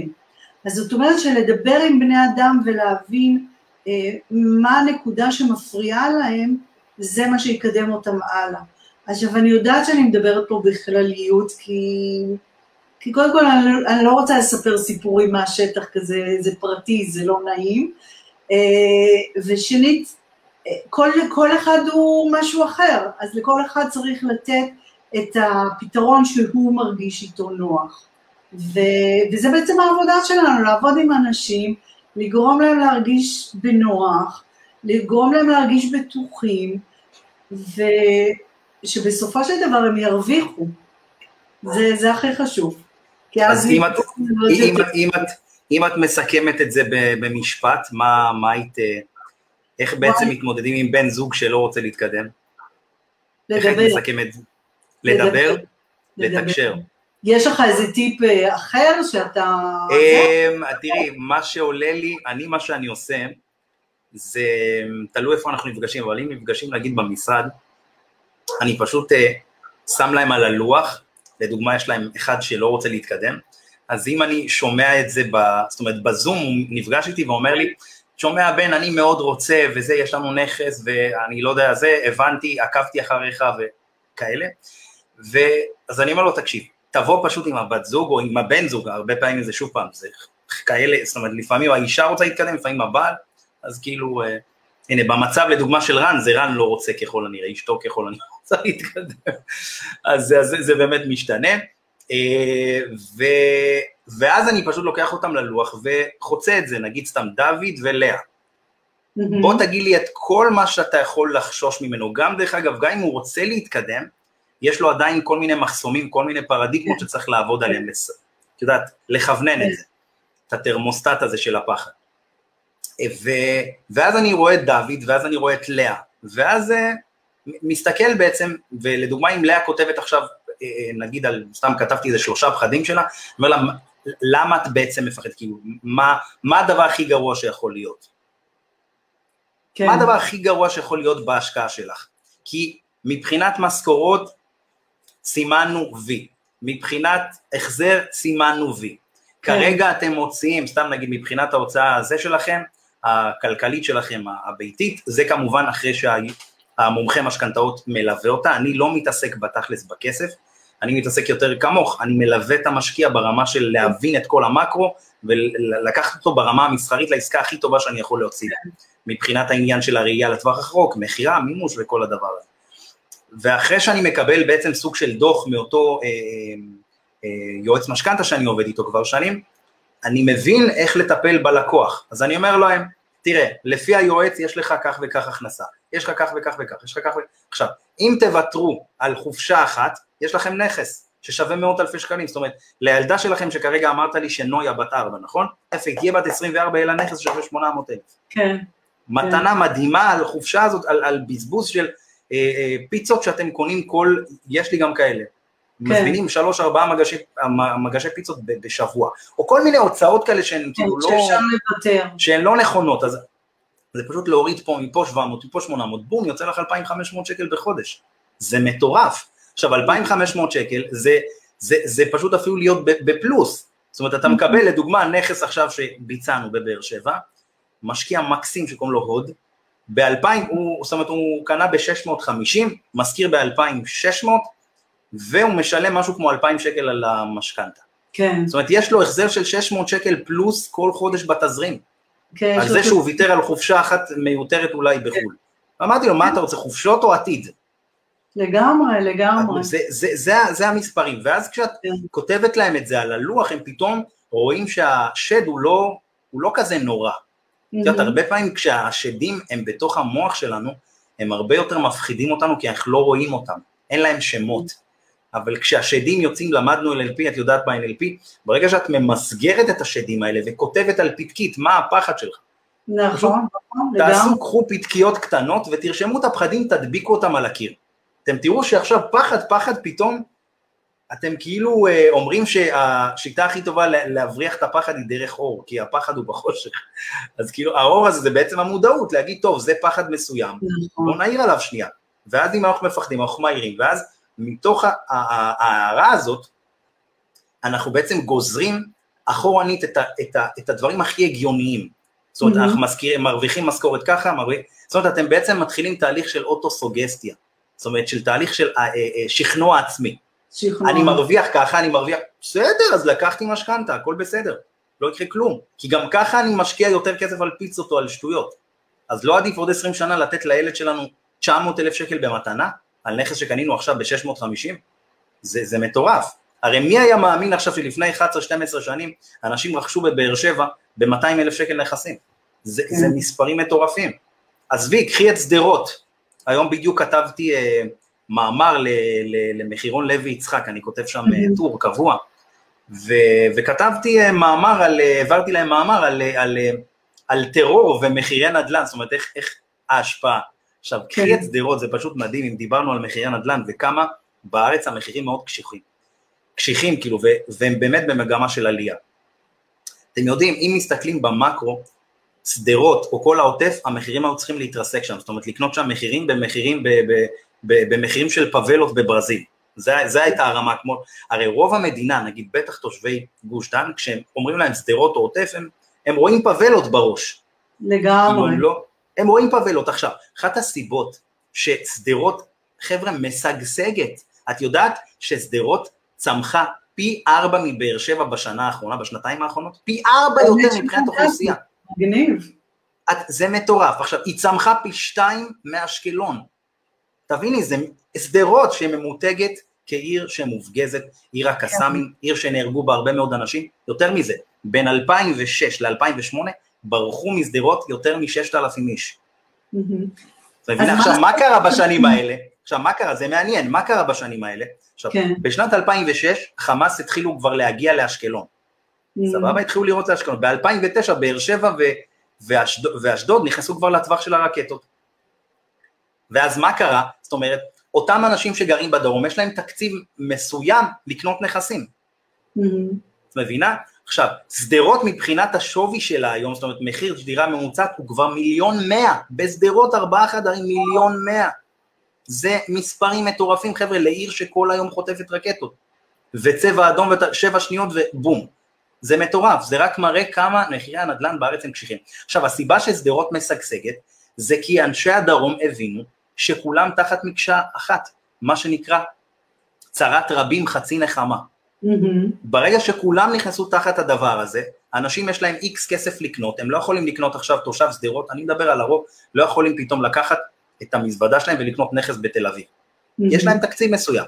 כן. אז אני אומר, אז, אז זה מה שקרה בעצם, ששדרות, ברגע שזאת אומרת שטווח הר, הרקטות עלה, אז אנשים כבר, מהייאוש כבר אמרו, טוב, זה המצב, אנחנו משלימים איתו, צרת רבים, חצי נחמה, אני חי עם זה. זאת אומרת, זהו. תחשבי, אלפי אנשים עזבו את שדרות וחזרו אליה. עכשיו, כיפת ברזל היא מרכיב מאוד מאוד מאוד, משמעותי בכלכלה שלנו ובמחירי הנדל"ן. אפשר לראות את זה בעוטף עזה. מ-2011, כשהיא נכנסה כבר לפעילות מבצעית, אנחנו רואים את מחירי הנדל"ן, נוסקים שם באזור הזה. מעניין מאוד, זה מאוד מעניין. זה מטורף, אני אשלח לך את המאמר הזה, כתבתי אותו ממש, שלחתי להם היום. אוקיי. זה מרתק, ואת רואה ששדרות מאוד צמחה. עכשיו, למה אמרתי את זה? על העניין הזה שנדל"ן בסוף בארץ, בטח אתם רואים מה הולך בעוטף, המחירים עולים, אז אין מה לפחד, פשוט תפרקו את הפחד אחורה בדברים הכי לוגיים. מה היה כשהייתם ילדים, כמה עלו נכסים, כמה עלו לפני עשר שנים וכמה עלו לפני חמש שנים, וכמה עלו לפני שנתיים. מבינים? אז עדיף להיות במקום הזה שבאמת שומר על הערך של הכסף שלה. לגמרי, לגמרי, אין מה לדבר. זה, זה מעניין מאוד מה שסיפרת על העוטף, ואתה יודע, גם זה אופטימי בימים טרופים אלה, זה... אז אולי נשנה את השם לכיפת הנדל"ן. זה גם. לא, באמת, זה אופטימי. תראה, כיפת הנדל"ן, היא שומרת על הנדל"ן, תקשיבי, היא שומרת על הנדל"ן, זה מטורף, כי את יודעת, עכשיו מדברים על זה שבעצם אשקלון הפכה לשדרות של שנת 2005. אה, אשקלון חטפה איזה 800 רקטות או יותר. כן. אה, אז מה אתה אומר לרוץ לקנות באשקלון? אני לא אומר לרוץ לקנות באשקלון, אני רק אומר שהנדל"ן אה, בארץ הוא מאוד מאוד, הוא מאוד יציב, זה באמת מדהים לראות את זה, אני אומר שכאילו במצב ההגיוני, שדרות הייתה אמורה להתרסק, נכון. והמזל הגדול שלה, תביני, זה עוד פעם אני אומר, המזל הגדול שלה שצרת רבים חצי נחמה, ברגע שהחמאס העלה את הטווח רקטות, האנשים שברחו משדרות חזרו, את מבינה מה אני אומר? עכשיו, למה הם חזרו? כי יש להם שני דברים, מחירי דיור הרבה יותר זולים מאשקלון, באר שבע, ובטח אשדוד שנהייתה מאוד מאוד יקרה, כן. ועוד משהו מאוד חשוב שאין בערים הגדולות, מיסוי. מיסוי, נקודות מס מאוד גבוהות, זה עומד על משהו כמו 20, זה מטורף. זאת אומרת, וואו. זוג שעובד ומרוויח יפה יכול לחסוך פה עשרות אלפי שקלים. תביני, את חוסכת מיסים בתור זוג שעובד בשדרות, כל שנתיים שלוש נייר את יכולה לקנות כנכס. וואו, ואנשים עושים את זה. אתה אומר לא, דווקא לא, דווקא לא. לא. אנשים רובם לא עושים את זה, אבל, אבל אני, לדוגמה, אני יצתי לזוג לא מזמן, לגבי נכס שהם אמורים לקנות במחיר למשתכן. כן. סבבה? עכשיו הבעל עובד שם באיזה, באיזה, יש שם גם קצת הייטק וזה בעוטף, את יודעת, המדינה באמת אה, כן, עושה הכל בשביל זה, אז זה אחת כן. הסיבות דרך אגב שהמחירים שם נשמרים ועולים, זה העניין שהמדינה החליטה שהאזור הזה היא לא מוותרת עליו, אז יש לך נגיד הרבה מאוד מיליונים שהושקעו בבתי ספר ממוגנים בשדרות, תביני שבשדרות מרוב שהיה מאוד יקר למגן את הבתי ספר ואת הגנים, פשוט בנו הכל מחדש. היה יותר זול לבנות מחדש. זה מאוד מעניין, זה שוק מרתק. עכשיו, כשאת חוקרת את שדרות וכל העוטף, את מבינה איך המאקרו בארץ מתנהל. את מבינה? למה אני כל כך מאמין במה שאני עושה? כן. ובהשקעות נדל"ן, כאילו אני מתעסק בעיקר בדרום, גם מלווה קצת במרכז, אבל אבל זה, זה, זה באמת מטורף, זה להבין באמת את המאקרו דרך המקום הזה שהוא כאילו החצר האחורית של מדינת ישראל מבחינת העניין של הביטחון לתושב. אבל, אבל... רגע, רגע, אז בוא נחזור רגע לאשקלון, מה אתה חושב שיקרה עכשיו באשקלון? אה, המחירים ימשיכו לעלות. כן? חד וחלק. יש כמות הנזקים וכאילו כלום. חד וחלק. תראי, כיפת ברזל, אני קורא לה כיפת הנדל"ן בדרום. Mm-hmm. היא שומרת על הנדל"ן, זאת אומרת, אם את מעלימה את כיפת הברזל, כל האזור של העוטף הופך לפבלות. תסתכלי עכשיו לדוגמה בלחימה, שהיא כן. עזה, ואת יודעת, לחימה כן. עזה מעזה, כן. עכשיו, כשה, כשהלחימה מאוד מתגברת, האנשים בעוטף, הרבה מהם בורחים למרכז. כן. כי הם לא יכולים, את יודעת, זה כאילו כל היום להיות במקלט, אי אפשר. זה כל היום להיות בממ"ד, כן. יפה, אז זה, זה אנשים שחוזרים, כאילו, נוסעים לכל מיני מקומות, אבל זה מדהים שהם חוזרים, תביני, זה מטורף. יכול להיות מאוד מצב, שאם המדינה הייתה אומרת, עזבו, בואו נוותר על העוטף, נגיד, מצב היפותטי, בואו כן. נוותר על העוטף, בואו ניתן לכל אחד מיליון שקל, ותעברו למקום אחר. יכול, מה זה יכול להיות? אני בטוח שרובם היו עוזבים, mm-hmm. אבל הדבר הזה שנוצר, את יודעת, כאילו נוצר גם סוג של שותפות גורל כזה. עכשיו, כן. אם את מדברת, אני לדוגמה כבאר שבעי, אני אמנם היום גר ברמת גן ומדבר עכשיו מאזור המרכז, אני שנתיים גר במרכז, ברמת גן, אבל כבאר שבעי שחי איתה בתקופה הזאת זה וואטסאפים, אה, נפל שם, מה קורה כן. איתכם, המשפחה שלי שם. אז כבאר שבעי אני מאוד מאוד מבין את הכאב של הדבר הזה, אבל מצד שני, שוב פעם, מבין כאיש נדל"ן, שהמחירים פשוט, אני, אני לא, את יודעת, הם לא עוצרים.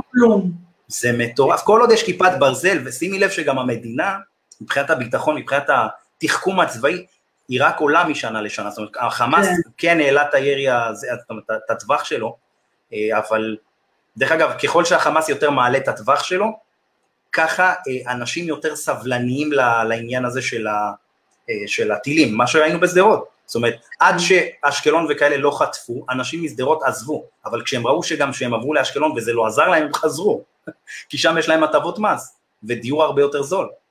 מעניין. תביני, זה, זה מאוד כן, מאוד מעניין. כן, זה, זה נדל"ן, מעניין מאוד הניתוח הזה, וזה גם אופטימי.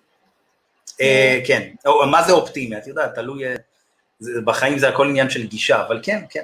אופטימי ברמה הזאת של ההשקעות, ואתם יכולים להשקיע. זה גם ברמה של האנשים שחיים שם, שהם כל פעם מוכנים לחטוף, ועדיין הם נשארים.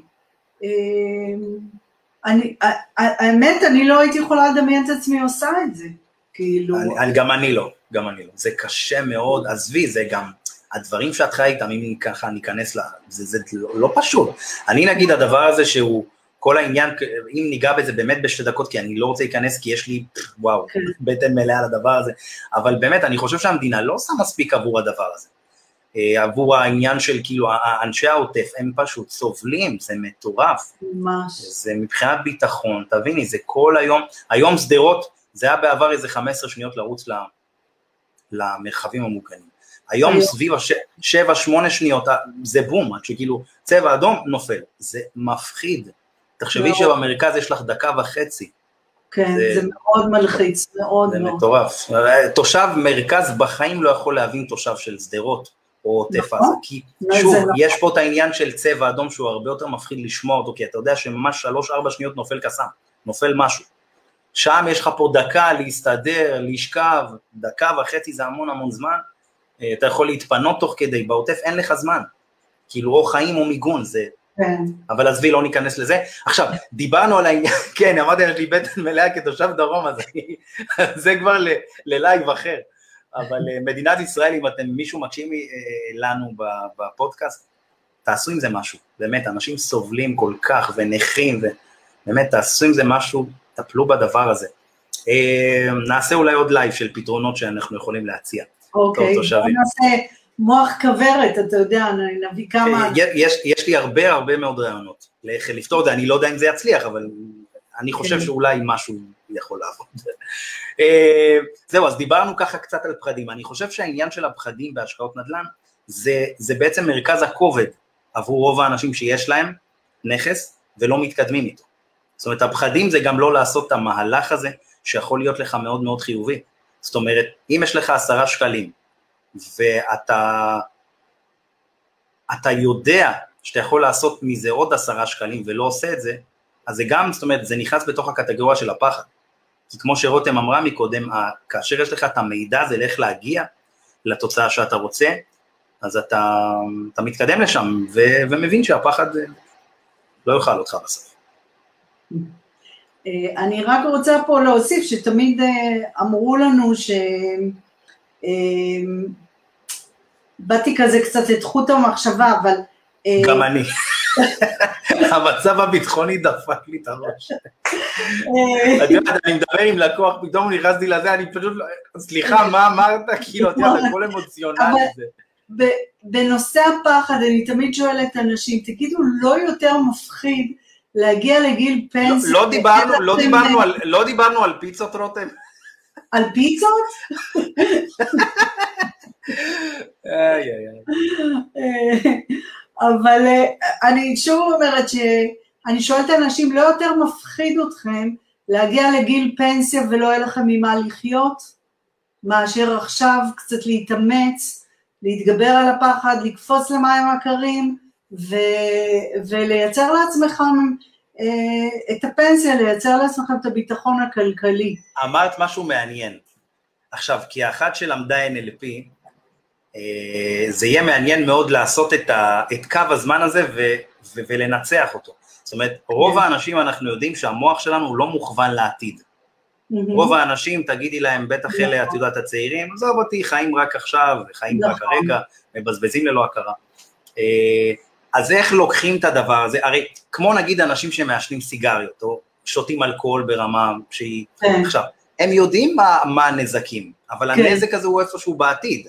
נכון. זה לא גורם להם להפסיק לעשן. מבינה? נכון. אבל, גם אמרתי את זה באחד הפוסטים, באחד הפודקאסטים. עכשיו, אם בן אדם, אה, מה באתי להגיד עכשיו רגע? אה, לגבי העניין של הסיגריות עכשיו. המצב הביטחוני הרג אותנו, תרתי משמע, הרג אותנו. אנחנו צריכים לשנות נושא. גמר עלינו, כן. אז אני אומר, אם בן אדם לדוגמה, על העניין העתידי בעצם, אם בן אדם עכשיו היה קורא על הקופסת סיגריות, במידה ואתה עכשיו לוקח סיגריה ומעשן אותה, שתי השיניים שלך, שתי השיניים שלך אה, מקדימה אה, אה, נושרות. זאת אומרת, רוב הסיכום שהוא לא לוקח את הסיגריה. כן, כן. מבינה? או שאתה מעשן, תיפול לך הרגל. כן. עכשיו, זאת אומרת, בעתיד יפלו לך שיניים וזה יפגע לך, זה, זה יעשה לך הרבה דברים. אבל אני אומר, איך, איך את לוקחת את הדבר, כאילו הדבר הזה בעתיד ובאמת מביאה אותו לה. זה מעניין. זה, תשמע, זו העבודה שלנו בסיכומו של דבר, כמלווה משקיעים, זה לעזור למשקיעים להתגבר על הפחד ו, אה, ולעזור להם אה, לבנות לעצמם אה, עתיד יותר טוב. באמת, אני, הרבה אנשים שואלים אותי, למה אני מלווה משקיעים ולמה אני מלמדת? אומרים לי, יש לך השקעות נדל"ן שלך, אתה הרי לא צריכה את זה. אז למה לעשות את זה? ובאמת אני חושבת שזו שאלה טובה, שהיא כל פעם מאמתת אותי עם העניין הזה, ואני חושבת שיש בי משהו שרוצה לעזור לאנשים, ו... וזה בעצם, זה, מה, זה החזון שלי, זה מה, שאני, זה מה שאני עושה, אני עושה את זה כדי לעזור לאנשים. ו... וזה לא מספיק לי רק לשבת, אה, בוא נגיד ככה, אתה יודע, להישען לאחור ולהגיד איזה יופי יש לי מספיק. זאת אומרת, אני לא עושה את זה בשביל להרוויח עוד, אני עושה את זה כדי לעזור לאנשים, ואני אה, מדברת עם המון המון אנשים, אני נותנת עצות, תורמת להם, ללא בכלל שום, אה, שום החזר כספי. אבל באמת הדבר הזה, אני מאמינה שלכל אחד צריך צריכה להיות דירה שנייה בארץ, אם לא אחת אז, לפח, אז שתיים, ו, ואני, ואני פועלת כדי שזה יקרה, אני חושבת שהמדינה הרי לא מלמדת אותנו בבית ספר, אין לנו חינוך לכסף, אין לנו חינוך לעצמאות כלכלית, ואנחנו צריכים ללמוד לעשות את זה ולעשות את זה לבד. לעשות את זה לבד, כאילו לא בדיוק לבד, כי יש אותך ומלווה משקיעים אה, נכון, נהדרים שיכולים לעזור לנו. הכוונה שלי בלבד זה לא לעשות את זה לבד לגמרי, כן להיעזר באנשי מקצוע, זה מאוד מאוד חשוב כי זה יעשה לכם את ההשקעה הרבה יותר רווחית ובטוחה, אבל אה, לעשות את זה לבד מבחינת האחריות שלנו. זאת אומרת, אנחנו הולכים לעבודה, מקבלים משכורת, האחריות היא לא עלינו, מישהו משלם לנו את המשכורת, אוקיי? הבוס שלנו, החברה וכדומה. אנחנו נצא לפנסיה, נקבל ביטוח לאומי, אנחנו לא לוקחים אחריות על עצמנו, אנחנו מצפים שהמדינה תעשה לנו איזשהו גוף אחר, ידאג לנו ויעשה לנו, ולהשקיע בנדל"ן זה, זה לקחת אחריות מההתחלה ועד הסוף על הכסף שלך, ולכן אני אומרת שזה לעשות את זה לבד. כן, אתם צריכים להיעזר בכל אנשי המקצוע הרלוונטיים כדי שזה יהיה בטוח ונכון, אבל זו אחריות שלך, ואם אתה לא תעשה את הצעד, אתה או את לא תעשו את הצעד הראשון של, לכיוון הזה, זה לא יקרה. ו, וזה בעצם, בגלל זה אני אומרת שצריך לעשות את זה לבד. סבבה לגמרי. את מאמינה שאנחנו כבר שעה ורבע בשיחה מרתקת? הזמן עובר מהר שנהנים. זה, זה מדהים באמת שאני מאוד מאוד אה, נהנה מהשידור הזה.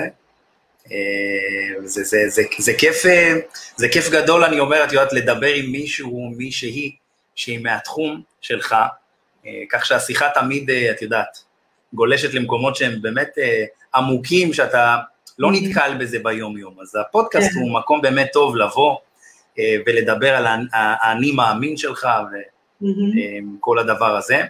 אה, עוד שאלה שרציתי לשאול אותך, זה מה את אומרת על כל מה שקשור בלקנות נדל"ן ללא הון עצמי? שאלה טובה.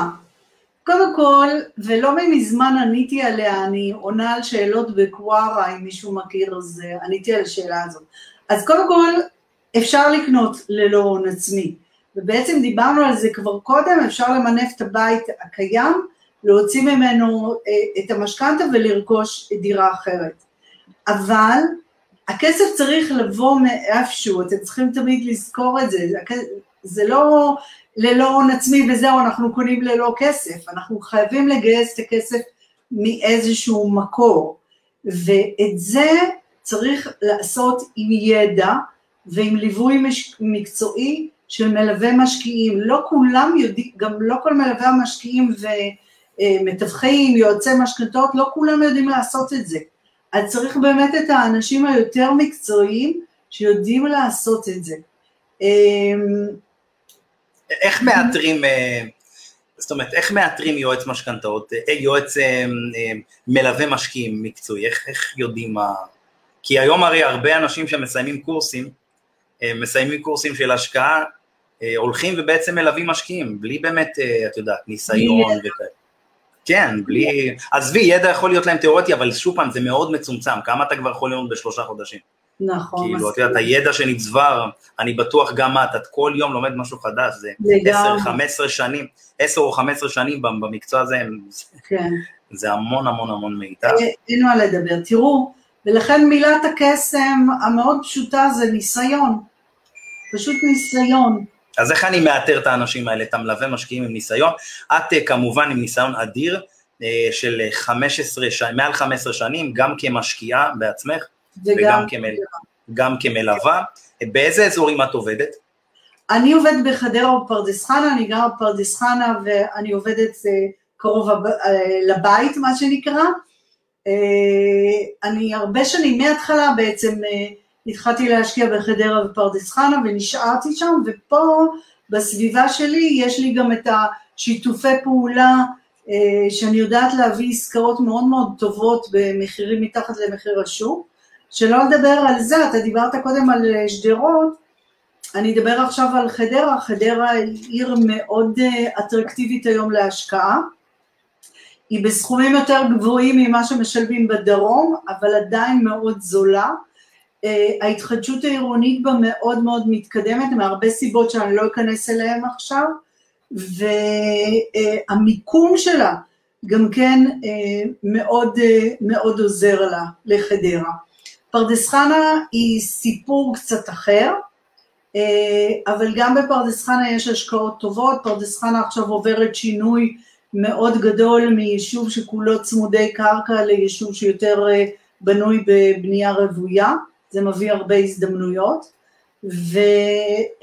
ובקיצור, אה, יש פה המון המון אקשן, המון, בוא נגיד ככה, אני עובדת הרבה. אה, אני ממש, אה, במיוחד מתקופת הקורונה, יש התנפלות של משקיעי נדל"ן, ומה ש... למה לדעתך? דרך אגב, גם אצלנו ככה, זה פשוט מטורף. אחרי הקורונה, אנשים, וואו, זה, זה היה, וואו, וואו, מטורף פשוט. למה לדעתך אחרי הקורונה אנשים ככה התנפלו? אנשים הבינו שהם צריכים, קודם כל יש הרבה כסף אה, נזיל בארץ שלא מושקע בכלום, זה המון אפילו, המון כסף. ואנשים הבינו שפתאום אולי המשכורת שלהם לא כל כך בטוחה, ואולי אה, בעצם שום דבר לא בטוח בחיים שלהם, ולהשקיע בנדל"ן זה הדבר הכי בטוח. כי מה זה נדל"ן? זה נכסי דלא ניידי בארמית, זה ראשי תיבות של נכסי דלא ניידי בארמית, שזה נכסים לא ניידים, קבועים בקרקע, לא הולכים לאף מקום, ולא סתם משכנתה זה ההלוואה הכי זולה, כי יש נדל"ן כבטוחה ממושכן כנגד ההלוואה הזאת. אה, ולכן אנשים רצו, אה, באנגלית זה נקרא real estate, real estate, נכסים ממשיים שאפשר לגעת בהם. ו, אמ, ואנשים הבינו שהם רוצים את הנכסים האלה, לא את שוק ההון שאי אפשר לדעת רגע הוא עולה, רגע הוא יורד, מה קורה, אלא משהו שבאמת אפשר לחוש אותו. כאילו הסבירות שפתאום הנכס שלך ירד ב-30 אחוז היא לא, לא קיימת, בטח לא, בארץ. בטח בארץ זה לא קיים. בחו"ל יכול להיות באמת איזה מפולת שפתאום הנכס ירד ב-50-60 אחוז, כמו שקרה נגיד בסאב פריים, ועוד כל מיני אזורים ששמעתי שנחתכו ב...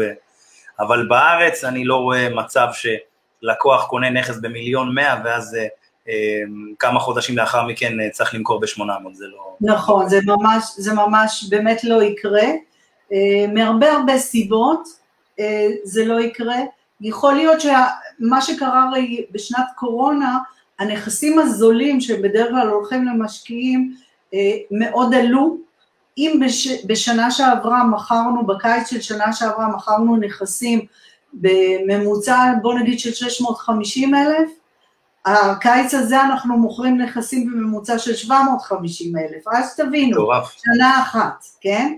אז, אז הנכסים האלה היה להם ביקוש מטורף, מה שעמד זה הנכסים היקרים יותר משני מיליון ומעלה, הם כזה די נעצרו. אז נדל"ן בארץ הוא לא יורד, הוא נעצר.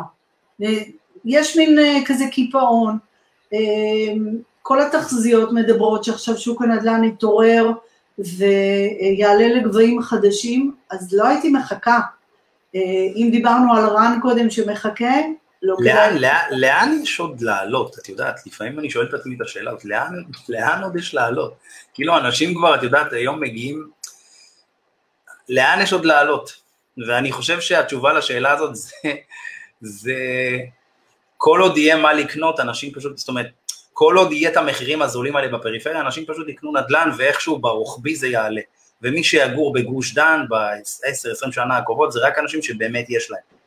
ולאט לאט הם יתחילו לזלוג והמדינה לא תהיה לה ברירה אלא לפתח את הפריפריות כמו שאנחנו רואים עכשיו בבאר שבע, שהפכה להיות מטורפת. תחשבי, תגידי לי אם את מאמינה שבבאר שבע היום דירת ארבעה חדרים חדשה באזור מסוים שנקרא נגיד פארק הייטק נמכרת במיליון שמונה מאות, היית מאמינה?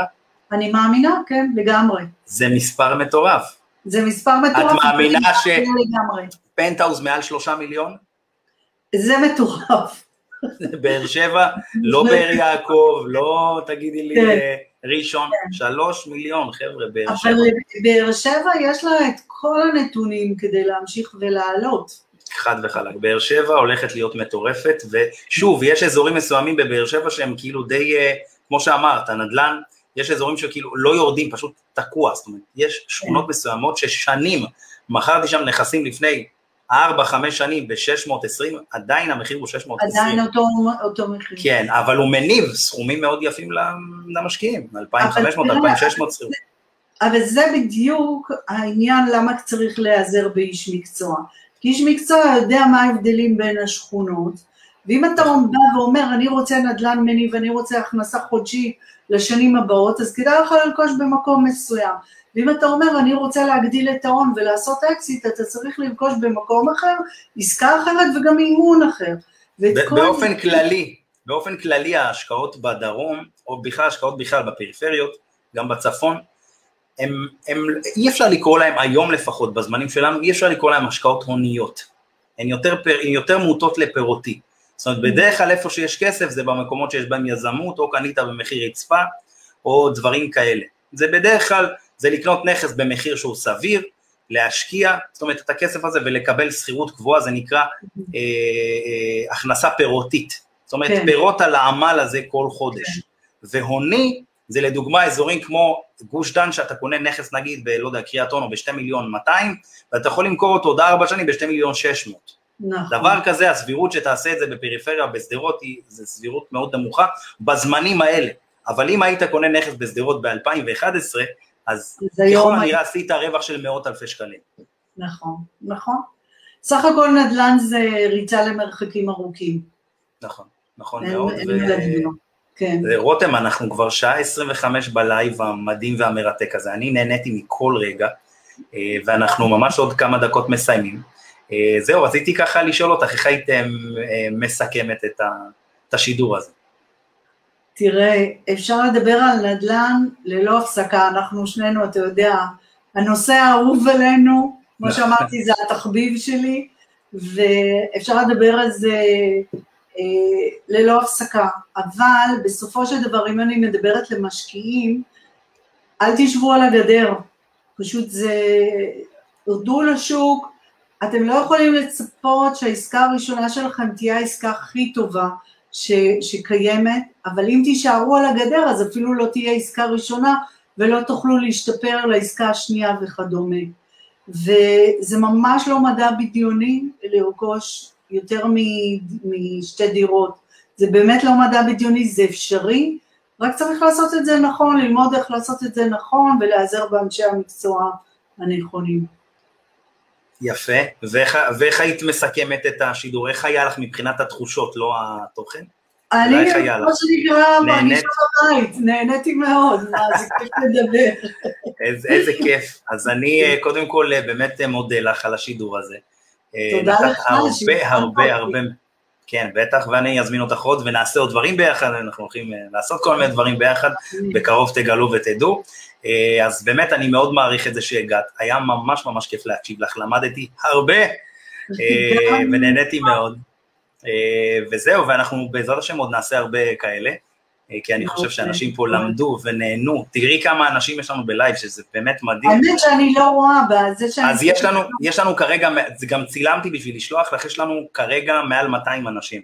וואו. אה, שצופים. זה, זה פשוט אה, מדהים, וזה רק, אמרתי לך היום, שבדרך כלל זה בין 100 ל-150, אז כרגע יש לנו מעל 200, זה רק מראה שזה באמת מעניין את האנשים, וזה פשוט מדהים. אז תודה רבה לכל הצופים שאתם משתפים. אה, ושאתם משתפים את המשפחות שלכם בוואטסאפים וקבוצות, זו הסיבה שזה מגיע לזה.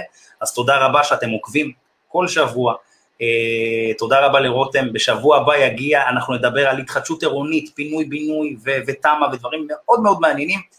לאלה מכם שחיים כרגע בדירות מתחת לשנת 1980, ואלה מכם שרוצים לעשות יזמויות במקומות האלה, תבואו לשידור בשבוע הבא ביום רביעי בשעה שמונה, כרגיל, וניתן לכם הרבה מאוד דרך מוסף. רותם, היה לי מדהים, תודה רבה. תודה, תודה, בן. איזה אנרגיות! אני הולך לאכול פיצה עכשיו, זהו. שיהיה בתיאבון. תודה רבה, שיהיה אחלה לילה. לילה טוב, להתראות. להתראות, ביי ביי, היה כיף, ביי ביי.